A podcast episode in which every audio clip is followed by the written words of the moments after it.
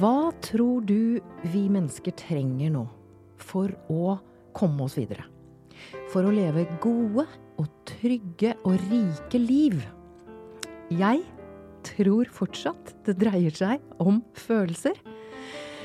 At du og jeg og alle gjør følelsene til vår styrke. Jeg heter Katrine Aspaas, og du hører på Oppdrift.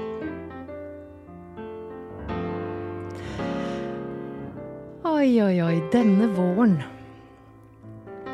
så kom det en bok som jeg skjønte med en gang at denne her, den trenger jeg å lese. Den har jeg lyst til å lese. Den, jeg sitter med den her foran meg nå. Den har masse gule jeg holdt på å si, Ikke gule flekker, men den er lest uh, grundig. Og den heter 'Skolen er ikke for alle'. Men den kan bli det. Så det, sånn, den, den, gikk litt sånn opp på slutten der, og den er skrevet av en mann som sitter her eh, fysisk akkurat nå. Han eh, Hei. Hei. Jeg skal ikke si hva du heter engang. Det er ikke noe Hei, Andreas. Jo, hei Katrine. Veldig hyggelig å være her, altså. Dette er stas. Ja, jeg syns det mm. er veldig stas. Vi har vært litt i kontakt på forhånd, og vi, uh, vi er klare nå. Mm. Ja. ja. det er vi. Vi er klare. Ja. Du har vært lærer i Oslo-skolen siden 2006. Du, har, du er eh, programleder for to podkaster sjæl. Mm. Eh, Utforsk heter den ene, ja. og Snakke matte. Ja. Utforsk er om, eh, det er om skole, rett og slett. Handler mm. om det som rører seg i skolen. Alle mulige temaer. Og så har du den snakker matte-podkasten som er mer eh, Ja, det ligger jo i navnet. Hvor vi bare kunne snakke rett og slett matte. Ja. Så da har jeg med meg en kompanjong der som heter Asbjørn Lerud Kongsnes. som uh, har skrevet et læreverk for Aschehoug. Så vi drodler rundt stort og smått i mattefaget. Det er jo Det kan vi ha en egen episode om, ja.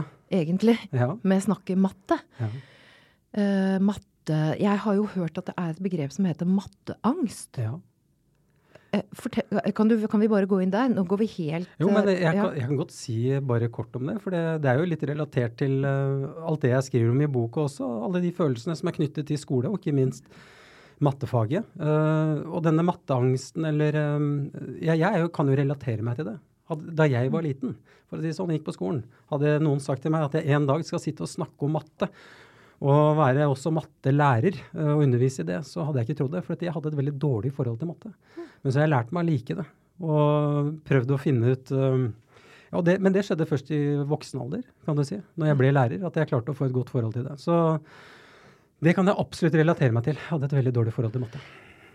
Hva var det som, Nå ble jeg veldig nysgjerrig på mm. hva det var som gjorde at du uh, lærte deg å like det. Som du sa, var det sånn plutselig så datt polletten ned, eller hva, hva skjedde? Jeg vil nok si at um, jeg tilpasset på en måte opplæringen til meg selv. Det vil si at jeg, jeg traff eh, Jeg klarte bedre å tilpasse stoffet til det nivået jeg er på. Den gangen så gikk det over hodet på meg. Men etter hvert som jeg fikk eh, bygd flere og flere klosser da, i, i faget, og, og, bygde det på en måte på Hva skal man si eh, Forhastet meg ikke, men lot, mm. selv som voksen lot meg modne i eget tempo rundt det faget, så vokste det også på meg. Og det har vært en prosess også til og med i lærergjerningen. Så, er det noe du tar med inn i klasserommet i mattetidene ja. også? Ja, det vil jeg si. Eller tenker du da på liksom den følelsen jeg hadde, eller kanskje kan si det til elevene også? Eller? Jeg tenker på det der med Vi, vi driver jo med følelser ja, ja. Her, ganske mye i den mm, podkasten her. Og en av de sånn grunnferdighetene på følelser, det er jo å validere. Ja. Altså å, å, validere de følelsene som fins i klasserommet. At det er ikke noe rart at noen sitter og er redde. Så som lærer å faktisk liksom validere at det er faktisk ganske normalt. Ja, ikke sant? Og du, Dere snakket vel om i, i, forrige episode, eller en av de to forrige, hvor du hadde besøk av lærere, om det å tørre å gjøre feil. Mm. Ikke sant? At det er en slags gave i det å gjøre feil. Snakket dere om kanskje om å feire feilene? Det er det vi gjorde. Ja, og det syns jeg var så fint sagt. Ja. fordi det er nettopp det jeg prøver å formidle i klasserommet. At hvis man gjør feil, så er det på en måte Det, det er jo overhodet ikke farlig. Og så gjelder det å skape det klasserommet da, ja. hvor det ikke er farlig. da, ikke sant? Og det er min oppgave som lærer. Og det er det jeg prøver å, å få til hver eneste dag. Men at feilene er noe vi skal også ta med oss, for det er de vi lærer av. Det er jo, det er så, det er jo grunnleggende, men det er på en måte Ja. noe vi må alltid huske på. Det er grunnleggende. Og så er det ikke noe rart at vi ikke har lyst til det. Det er jo det verste vi veit. Som eh, eh, redde pattedyr, da. Altså, Det er jo igjen det der 'nå tar jeg meg til panna for å liksom kose med Det er ikke amygdala som ligger der, men der ligger prefrontal cortex. Ja. Og, det, og jeg kjenner jo jeg er litt andpusten her nå. Jeg har nettopp møtt deg. Jeg møtte deg for ti minutter siden, så det står litt sånn på spill her. Så det er masse følelser. Mm. Så det å validere ja, Og jeg er jo spent på du som hører på her også, ikke sant? Om du, veldig mange lærere som hører på oss. Og om du er lærer, eller om du er foreldre til barn som har eh, lærere, eller besteforeldre eh, Altså hvis du er besteforelder eller tante, da, som meg, så er jeg spent på underveis hva som skjer med dere. Og det du sier om å feile, kan jeg komme med Ellens metode? Ja. Og Ellen ja, ja, ja, Hansen. ja. Eh, Hun er lærer og emosjonell styrketrener. Og Ellens metode, det er det at altså hun eh, underviser på mellomtrinnet, femte til sjuende. Hun har såpebobler på kateteret. Hun har sånn kit da, som hun driver og trener med. Og da er det sånn vi prøver. Vi feiler. Vi feirer. Og, og da er det såpebobler. Så ungene er jo blitt litt sånn Å! Nå, nå feila du! Altså, og det er noe med å hacke det fryktsystemet som vi får når vi feiler. Ja. for vi, da er vi redde for å bli kasta ut av flokken og alt mulig sånt. Men jeg blir altså så rørt og glad over at du eh, la merke til den eh, Ellens metode. Ja, ja, ja. Det var gøy med de såpeboblene. Det har liksom, det har ikke slått meg at, det, at jeg kom Men, men det, er, jo så, så kult. Det var veld, de var Skryt altså at de, eh, de to der i de Ja, forrige episodene. eh, Åh, Ja. hører dere det? Ja. Turi, Ellen. jeg har lyst til å mm, Ikke sant, du er jo du er jo også tidligere fotballkommentator Ja. for TV 2 og TV Norge. Mm. Sånn at du, du har jo vært ute og sett mye rart i verden. Men kan du fortelle ehm, Hva er det som er essensen av den boken jeg sitter Mm. med? Ja, altså den boka der er jo et ambisiøst prosjekt. Så, men eh, det spørsmålet der har jo jeg stilt meg mange ganger. Uh, hva som på en måte er essensen. Og uh, det vi kan koke det ned til, da, det er jo at dagens barn, mener jeg, eller altså elever, da, opplever for mye skolestress, mener jeg. Eh, jeg mener at vi har et eh, Det er for mye testing fra tidlig av. Noe jeg opplevde fra innsiden. Eh, og dette igjen fører jo til at elever eventuelt ikke ja, de, de, de finner seg ikke til rette i skolen, og det kan føre til skolevegring eller ufrivillig skolefravær. Så hvis jeg skal si essensen, konkurranseskolen. Den konkurransen som jeg mener har inntatt skolen på en uheldig måte, er vel det som eh, jeg vil si står øverst, fordi at det eh, påvirker så mye av det som skjer eh, ellers i skolen. Så ja, konkurransen, testene. At de vurderes hele tiden. Kontrolleres, vurderes. Jeg, jeg prøver å tenke meg hvordan jeg hadde hatt det i mitt liv, og arbeidsliv, hvis jeg hadde blitt liksom evaluert og hele tiden. Nå Ja. blir vi jo det med sånne stjerner. Apropos det, hvis du liker oppdrift, Ja. gå inn og gi evaluering. Gi faktisk, jeg, har sett på, jeg har sett på antall stjerner du har. Du har høy vurdering, Katrine, på podkasten din. Ja, høy vurdering. Ja. Ikke så mange, riktignok, vurdering. Men hvis du som sitter og hører på, har lyst til å vurdere, så er det helt topp. Ja. Eh, hvis du liker det, da. Hvis ikke, så Mm. kan du jo høre på noen annen podkast. Heller. Men igjen, dette her med essensen er konkurranse. At det er, det er konkurranse elevene mellom, og det er konkurranse skolene mellom. Mm. Og den konkurransen også som elevene opplever internt, som jeg også mener de da stresses av. Man skal jo på en måte Man kommer jo ikke unna i skolen at det er et konkurranseelement.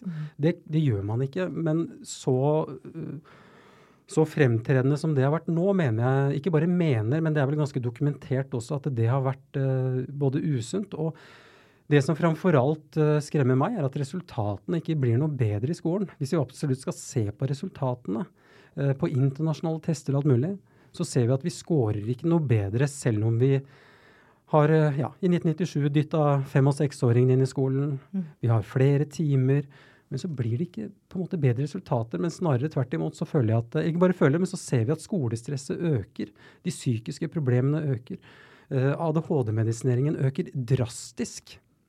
Spesielt på de små. Så vi må jo begynne å analysere hva det er i skolen, da. tenker jo jeg da, som lærer. Hva er det i skolen som gjør at vi uh, får Altså det er dette som er konsekvensene. Samtidig som uh, jeg vet at du er opptatt av å skape håp. Så jeg, jeg kommer ikke til å drive noe svartmaling av norsk skole, for vi skal skape håp. Og jeg skal, jeg skal også si at det foregår mye bra i norsk skole.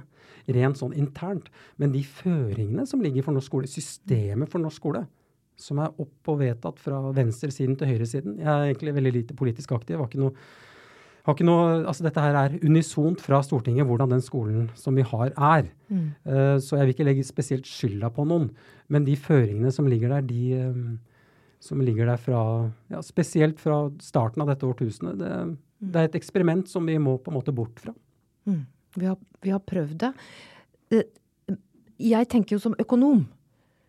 Hensikten var jo god. Altså hensikten med den målinga hensikten med det som heter New Public Management, og som jeg vet du nevner i boka, og som jeg sier unnskyld på vegne av min stand, da. For vi har jo ønsket å gjøre ting effektivt og med tellekanter og lett å måle. Og så har det gått over styr. Sånn at gleden blir borte. Altså, det er noe med å beholde læregleden og iveren etter uh, Altså den, den, tiden. Det å få lov til å ha tid. Og, og dvele ved læringen. Eh, lese høyt for elevene. Mm. Ha tid i klasserommet. Ja. Så altså, jeg følger veldig det du sier, og er så takknemlig for at du har skrevet denne boka her. Og den leses jo Eh, rund baut hos eh, lærere og politikere, forhåpentligvis. Jeg har hørt deg i masse podkaster, og jeg er mm. så glad for det! Ja. Så det tillater jeg meg å feire nå. Ja, så bra. Jeg må, si, ja, men jeg må jo si at uh, jeg skjønner det med intensjonene, uh, og jeg er helt enig med deg. Uh, det må Altså at ting skal effektiviseres og sånn. altså jeg er jo ikke en uh, konsekvent motstander av altså, Du snakker om tellekanter og sånn. altså Nå er det på en måte åpenbart litt negativt vinkla, det med tellekanter. Men mm. jeg, jeg forsto intensjonen, men det store spørsmålet vi kunne stilt oss, var om denne typen tellekanter, da, mm. var det mulig å innføre i skolen når du har med mennesker å gjøre? Når du har med barn å gjøre, og når mm. du har med altså skjøre vesener oh. å gjøre? Det er det som er det store spørsmålet, eller som var det store spørsmålet, eller som vi kanskje burde stilt oss. Mm. Og så er jo min analyse på en måte av dette her at det, nei, det fungerte ikke. Det har blitt prøvd nå. Mm. Så ja. Det fungerte ikke. Det er blitt prøvd. Og jeg blir litt sånn eh, rørt av å høre deg snakke om dette sårbare vesenet som er mennesket. Mm. Uh, og de sår, altså barn og alle trenger vi jo den omtanken. ikke sant? Vi trenger opplevelse av mening. Mm. Vi trenger opplevelse av mestring. Det å få lov til å gå på skolen og mestre. Ja. Og ungene er jo forskjellige på hva slags talenter de har, og hva slags uh, Om de er liksom skikkelig gode på matte, da, som vi snakka om, eller om de er skikkelig gode sosialt, om de er kjempegode Det er jo noe som heter liksom naturalistisk intelligens og har skikkelig godt syn for naturen. Så jeg, håper, jeg, får jo håp når jeg leser boken din om at denne type mangfoldighet er på vei inn i klasserommet. At varsomhet og omtanke. Og, den, jeg tror, og jeg tror at den varsomheten og omtanken er noe vi lærere prøver å vise hver dag. Mm. Og så er det disse snubletrådene på en måte, som ligger der ute, som vi må forholde oss til enten vi vil eller ikke. Men jeg tror, jeg håper og tror, at vinden er i ferd med å snu. Um, jeg mener å se tendenser der ute, uh, både politisk, men også blant skoleledere og lærere, at vi trenger en mer praktisk og variert skole. Og så vi, Yes, vi feirer! Ja, herlig. Jeg feirer, feirer med hendene over huet. Ja, ja, det er herlig å se. Og uh, Vi har jo Tonje Brenna da, som er kunnskapsminister, som har jo tatt til orde for at vi må tenke mer praktisk variert. Men hun er ikke den eneste. Men det kommer jo nå en ganske stor rapport om dette her. Og det er, det er, flere ting som skjer, og som muligens har gått litt under radaren. Men vi har jo både stortingsmeldinger og eh, NOU-er og sånn som er på vei nå. Og hvor vi For, ser at vi trenger dette her. Kan jeg spørre deg der? Ja. Fordi det har jo noe med det praktiske ja. Det visste ikke jeg engang da jeg leste boken din. Mm. Vi har stortingsmelding på vei. Mm. For, og vi har en NOU-rapport på mm. vei. Kan du fortelle hva det er vi ønsker å finne ut i, i de? Ja, altså vi ønsker en uh, mer praktisk og variert skole, spesielt uh, på femte til tiende. Jeg syns vi skal selvfølgelig ta med hele grunnskolen, men det er der man ser, ser, først. Og man har snakket mye med ungdom der ute inn mot denne stortingsmeldingen som kommer. Og uh, det er helt åpenbart at uh, politikerne ønsker sløydbenken tilbake. Ja. Den, er, uh, den, er, i mange skoler, men det er forbausende mange skoler som ikke har en sløydsal. det er jo interessant. Og så har vi jo også dette med seksårsreformen. Der er også en rapport på vei. Første delrapport har kommet. Og så kommer det jo en full rapport på det. Eh, det blir også ikke minst dette med prøver. Det er også en eh, NOU, eh, Norsk offentlig utredning, på vei på det, som handler om hva slags type kvalitetsvurderingssystem, som det heter så fint, mm. som vi har da. Så det skjer ting. Og jeg tror at en del av disse rapportene kommer til å om ikke altså Jeg skal ikke si at de skal slakte det som har vært, for det har vært mye bra også, men jeg tror nok man kommer til å være kritisk til en god del av det som har vært. Og mm. da bør vinden snu, Selv om uansett hvilken regjering vi skulle ha, så tror jeg det er viktig å lytte til disse rapportene som kommer. Mm.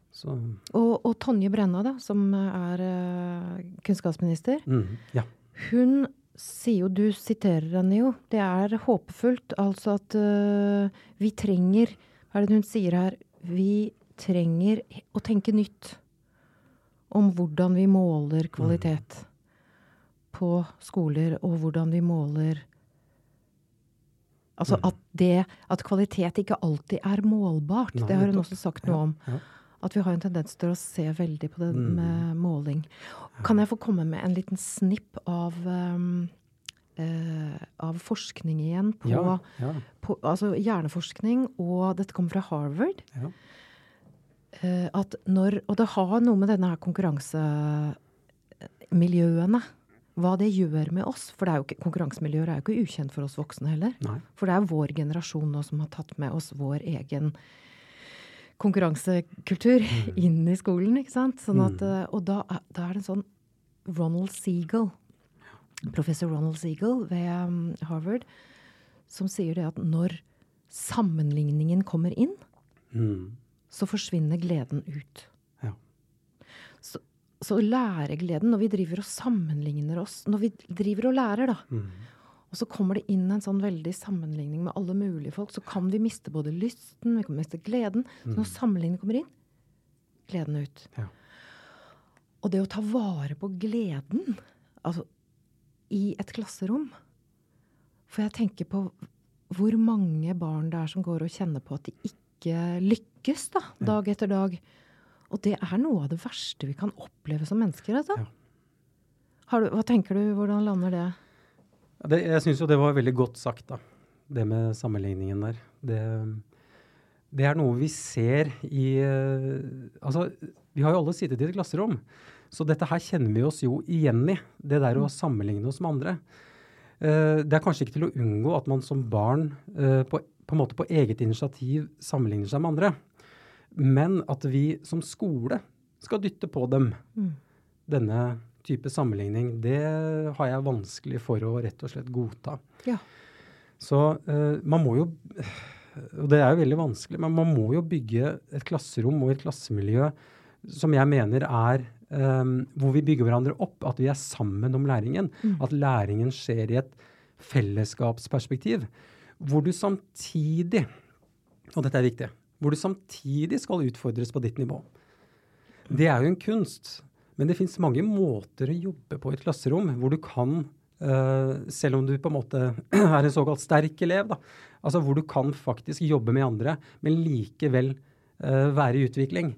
For det er jo Og det tenker jeg på en måte er kunsten. Og det er, det er, det er lettere sagt enn gjort, da. Mm. Men jeg må jo si at vi, eh, når jeg sier dette med konkurransen, at vi dytter denne sammenligningen på elevene altså Tenk deg bare i første klasse, når man har en kartleggingsprøve. hvor de sitter og titter rundt seg, disse elevene. Hvem er ferdig nå? Er det noen som er ferdig før meg? Allerede Mm. der så får de jo den sammenligningen som vi dytter på elevene. Og jeg syns jo det er litt spesielt at vi har en kartleggingsprøve på våren i første klasse for norske barn, som forutsetter at du kan lese, skrive og regne. Selv om lesing er ikke et kompetansemål før i andre klasse. Nei. Det er ikke forventet at eleven egentlig skal vise denne kompetansen før da. Så hvorfor pådytter vi dem den dårlige følelsen Ja. allerede da? For det er mange som sitter med en dårlig følelse. Mm. Det må vi ta inn over oss. Ja. Vi vet det, det er dokumentert, og vi ser det på elevene. Vi ser tårene som triller på disse prøvene. Mm. Og det beskriver jeg også i boka. Så det at jeg, og det er vanskelig for å godta, det at jeg som lærer har vært med på å dytte dette inn i klasserommet, denne sammenligningen, konkurransen, det, det, jeg, jeg liker det ikke. Um, jeg tenkte ikke så mye over det i starten, men etter hvert som jeg så hvordan dette påvirket elevene, så har det blitt min oppgave egentlig å være en motvekt til dette her, til denne sammenligningen. Ikke sant? Og det må vi jobbe aktivt for. Det må vi jobbe aktivt Ja. for. Og der har du en alliert. Og du har mange allierte. Ja. Blant annet så er det en ung mann som er nå nyvalgt leder for Elevorganisasjonen. Ja. Ja, Petter Andreas. Han heter Andreas til og med. ja. Petter Andreas Lona. Mm. Jeg så han under Arendalsuka. Ja. Der var det et stort arrangement om livsmestring i skolen. Og der sa han noe som er eh, veldig i tråd med det du sier. Og han sa det at Altså Elevorganisasjonen, bare for å si det, det er et elevråd, egentlig, for alle elever i Norge. Så han er liksom den, den mektigste, han er talsmannen for alle elevene i Norge. Og han sier det at det er et dypt sår i norsk skole. Ja. Og det dype såret, det heter prøvekjøret. ja. Og så sier han også det er ikke elevenes læring som er viktigst i norsk skole, men det er skolens egne mål. Ja.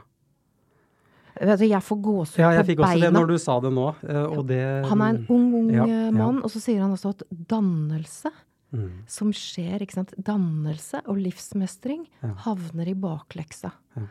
Og det er en sorg. Jeg kan kjenne på den sorgen han hadde da han snakket om det dype såret. Mm. Og jeg, jeg er håpefull, fordi han evner å fortelle på den måten. Han har sterke allierte eh, eh, i deg og i vår neste gjest, som har skrevet eh, 'Omsorgssvikt i skolen'.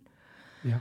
Ole Martin Moen? Ole Martin Moen. Ja, ja, så han skolens kommer- omsorgssvikt. Skolens omsorgssvikt. Så, så det er en bevegelse på Mm. gang Mm.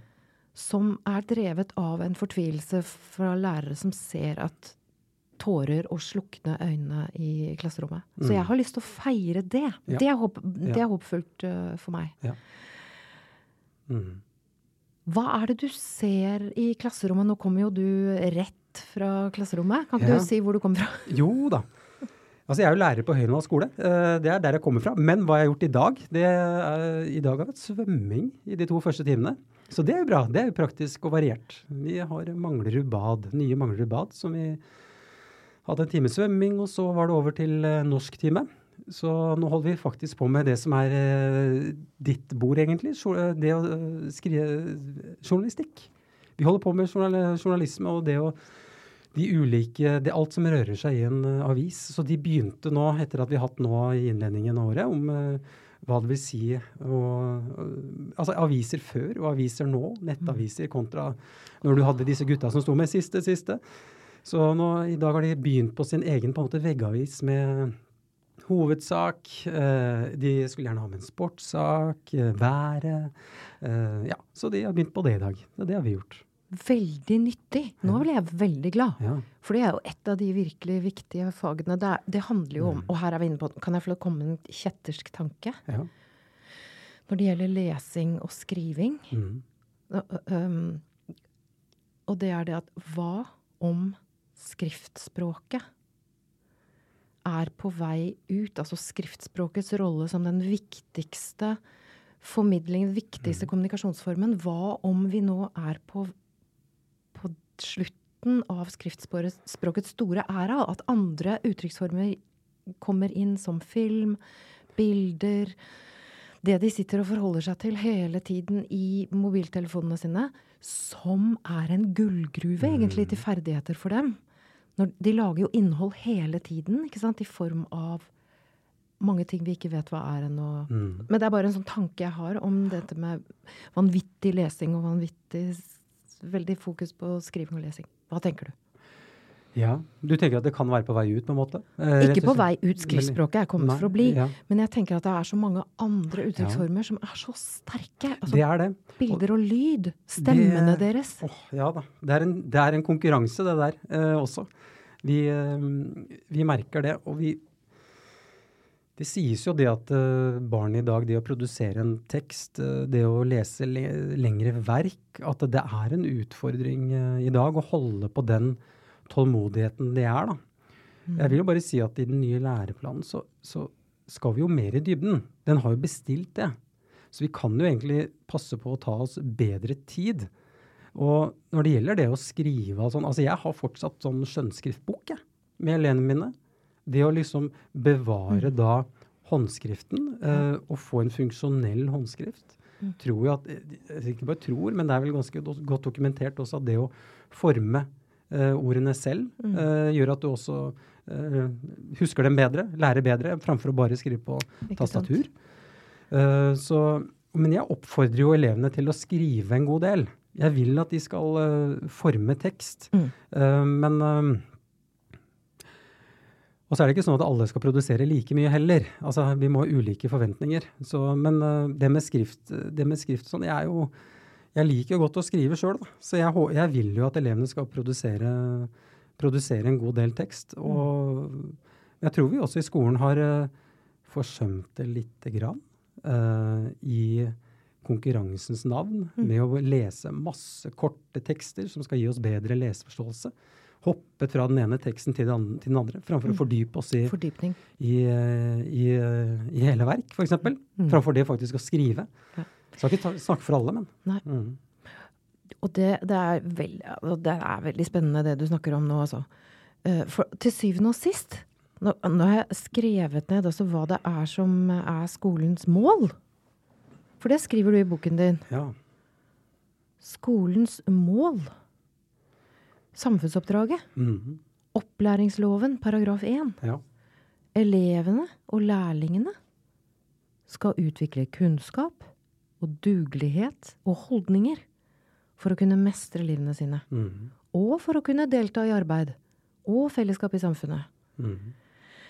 Og det er jo en håpefull bestilling og et godt samfunnsoppdrag. Mm.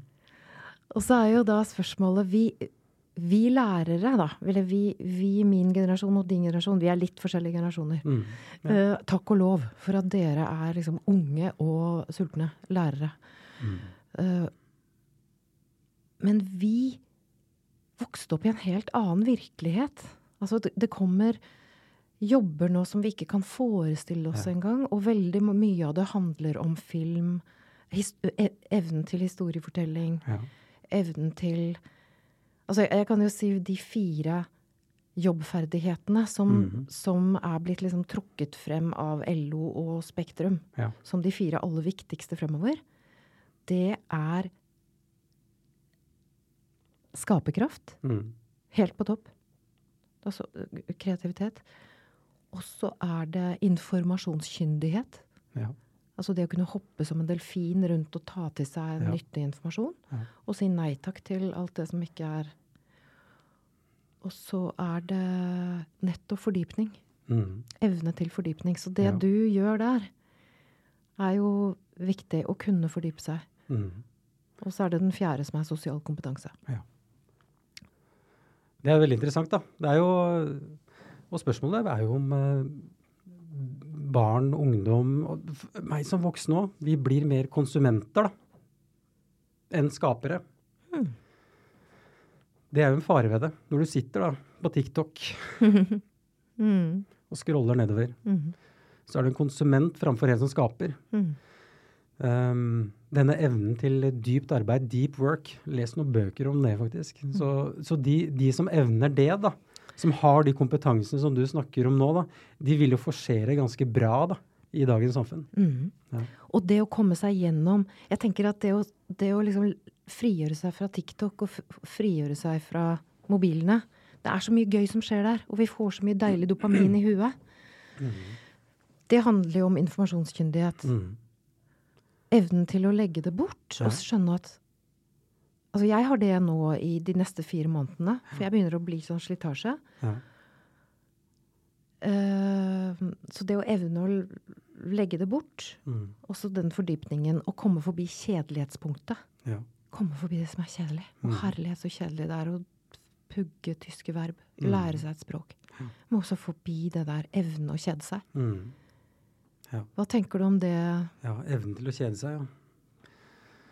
Oh, ja, kje, også, For det er jo kjedelig på skolen, ikke sant? Fordi Ja. at det er så vanskelig. Mm. Det er akkurat det, da. Og, men det man uh, må tenke på når en elev sier at de kjeder seg, Mm. så er det ofte det at ikke de mestrer. Ja. Det er liksom Ennå. De Mm, mestrer ikke ennå. Ja, ikke sant? Nettopp. Og da blir det jo min jobb da, som, eh, som lærer å uh, tilpasse til det nivået som de er på. Enten de er på et høyt nivå eller lavt nivå. Så det jeg oversetter den der kjedelige med, er at de rett og slett Jeg har ikke truffet, kan du si, da, med det, med det faglige der hvor de er, eller hva de, hva de mestrer. Det kan eh, og, altså, Du skal jo selvfølgelig ta inn over deg at det, altså, det kan også være kjedelig hvis, du, hvis det er på en måte på for lavt nivå. Disse evnerike elevene. Vi skal huske på de også, de som trenger mer utfordringer. Det er, det er mye å holde styr på da, som lærer. Veldig Men den mye. kjedelige, det oversetter jeg til nå har, ikke du truffet, nå har vi ikke truffet helt da, med det stoffet som jeg skal, Mm. eh, som jeg skal jobbe med. Fordi jeg tror Jeg ser jo det. En elev, selv om det er matte, da. Jeg tror at jeg hadde hatt et bedre forhold til matte hvis jeg hadde mestret det. Det er, altså, det er morsomt faktisk å gjøre noe som du mestrer. Jeg pleier å si M og M da, til elevene. Mestring er morsomt. Ikke sant? Det, det er jo, jeg vet ikke om det er noe sånt, det er ikke noe veldig sånn dypt i det, men jeg bare sier M og M. Mestring, da blir det morsomt nesten uansett hva du gjør. For får du til et uh, mattestykke som du ikke fikk til i går, så er jo det faktisk litt morsomt, selv om det er et, bare et gangestykke. Så det å bare liksom treffe, da, og kunne utfordre seg selv, bygge stein på stein, da. Mm. Så for dette, vi kan jo ikke ta på oss klovnedrakt i klasserommet, liksom. Altså, vi, det er ikke, alt er ikke like morsomt. Men det å mestre noe er morsomt. Og motivasjonen kommer når du mestrer, tenker jeg. Det er ikke, eh, altså, det er ikke sånn at det, du må finne motivasjonen et sted. Det er ikke liksom du bare henter motivasjonen. Det, er litt vanskelig, det. Mm. Du må gjøre det kanskje først, og kjenne at du mestrer det. Da blir du motivert videre. Så det er liksom den rekkefølgen for meg, da, med motivasjonen. Mm. Motivasjon, vet du. Nå jeg sitter Mm. og, jeg ser masse med meg når jeg sitter og hører på deg nå. Eh, Og motivasjon Du snakket jo i sted om de der dårlige følelsene som vi får når vi ikke mestrer. Ja. Og de, mestring er morsomt. Ja. De gode følelsene, så hvordan kan vi skape mer av de gode følelsene i klasserommet hos flest mulig? Mm. Og, og møte, validere igjen da, at det er ikke noe rart at du ikke mestrer dette ennå. Nei, ikke sant? For det er, forvirring er en del av prosessen. Ja. Og, og, og smerte er jo faktisk også en Mm. del av den læreprosessen. Ja. Vi har lyst til å gi oss. Alle har vi lyst til å gi oss når vi holder på med noe Ja, vanskelig. Ja. Om det er trening, eller om det er mm. uh, å slutte å spise sukker, som jeg prøver å kutte ned på. Så der er nesten ut. Kjenner Det veldig prøver jeg også på iblant, faktisk. Å Kutte ned på det sukkeret. veldig famlende mestring der Ja. av og til. Når jeg liksom har sånn der sjokoladeis over hele ansiktet. Når jeg kommer ut på do etter å ha sett masse serier. Ja, ja. Men, men det, altså, det, er, det er liksom Mm. Og det ordet motivasjon, altså. Hvordan får vi Det er noe vi kan snakke om videre om i neste episode. ja kan Jeg kan ikke slippe deg ut av dette studioet her, Andreas, Nei. før vi har tatt en episode til. Ja. Men jeg har lyst, før vi går eh, inn for landing i denne episoden her Hva er eh, responsen på denne boka her som jeg sitter fortsatt med? Ja. Og nå vil jeg bare Den heter 'Skolen er ikke for alle', Mm. men den kan bli det. Og det er læreren forteller fra innsiden. Uh, og det er et viktig bidrag på, på veien mot en skole for alle. Mm. Hva slags respons får du fra andre lærere og fra Ja, det er eh, Jeg syns det er mye interessant respons. Uh, Det kommer fra ulike folk. Jeg får respons fra lærere, jeg får respons fra politikere, forskere, eh, foreldre. Eh, Og alle leser boka på en eh, Ikke alle, men det er, det er mange forskjellige måter å lese boka på. Noen kontakter meg på bakgrunn av syv sider i boka. Eh, mens lærere sier jo til meg, det, og dette syns jeg er interessant, de sier at det er en modig bok. Eh, det kan jeg på en måte si ja til, fordi at jeg har følt på en slags fryktkultur, spesielt i Oslo-skolen. Uh, og det kan man jo lage en hel podkastserie om. Men det de sier, er at hm, dette er interessant. Nå kan jeg også gå ut og si at ja, men stopp en halv, skal vi virkelig gjøre det sånn? Er dette greit? Det at det liksom lærerstemmen kommer frem da, i debatten om hva skolen skal være, det har jeg fått en del tilbakemelding fra lærere om. At nå, ja, faktisk, vi må melde oss på i debatten. Eh, politikere uh, hun uh, Sunniva Holmås Eidsvoll, som er skolebyråd. Nå mister de vel makta i ja. Oslo. Det kom vel fram.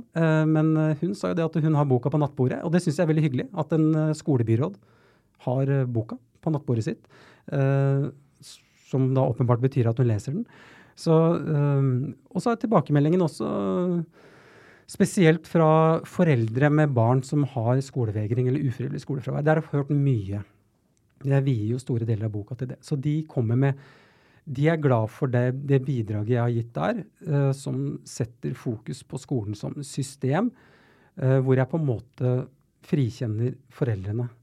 Det er også en egen podkastepisode, bare det med ufrivillig skolefravær. Men jeg, uh, de er glad for at jeg sier at det ikke er Altså, Vi kan ikke legge skylda på foreldrene og barna når ikke de kommer på skolen. Det er veldig, de er veldig klar på i denne boka her. Mm. At vi må lete med lupe i skolen som system. Og der mener jeg har funnet noen interessante svar.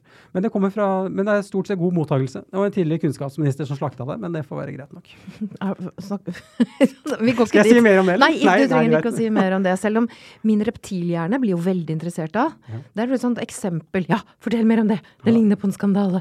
Men vi lar det ligge. Jeg, jeg, jeg stoppet reptilhjernen min før den fikk uh, klikka på clickbait, mm -hmm. som var en skandale.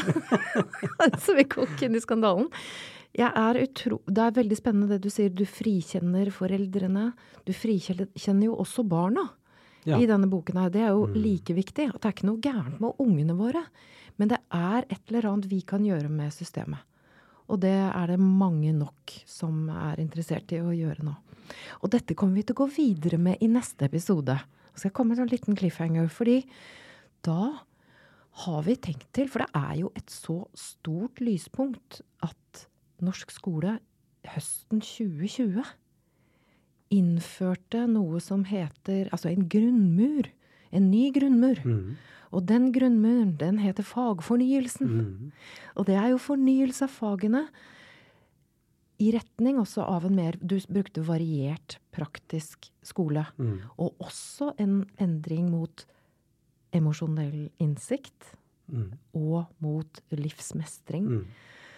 Så i neste episode så vil vi pakke ut og snakke litt om eh, hva kan fagfornyelsen hjelpe oss med for å lage en skole for alle. Er det, er det en plan? Jeg er helt med på den. Jeg, jeg tror jeg veit hva jeg skal si òg.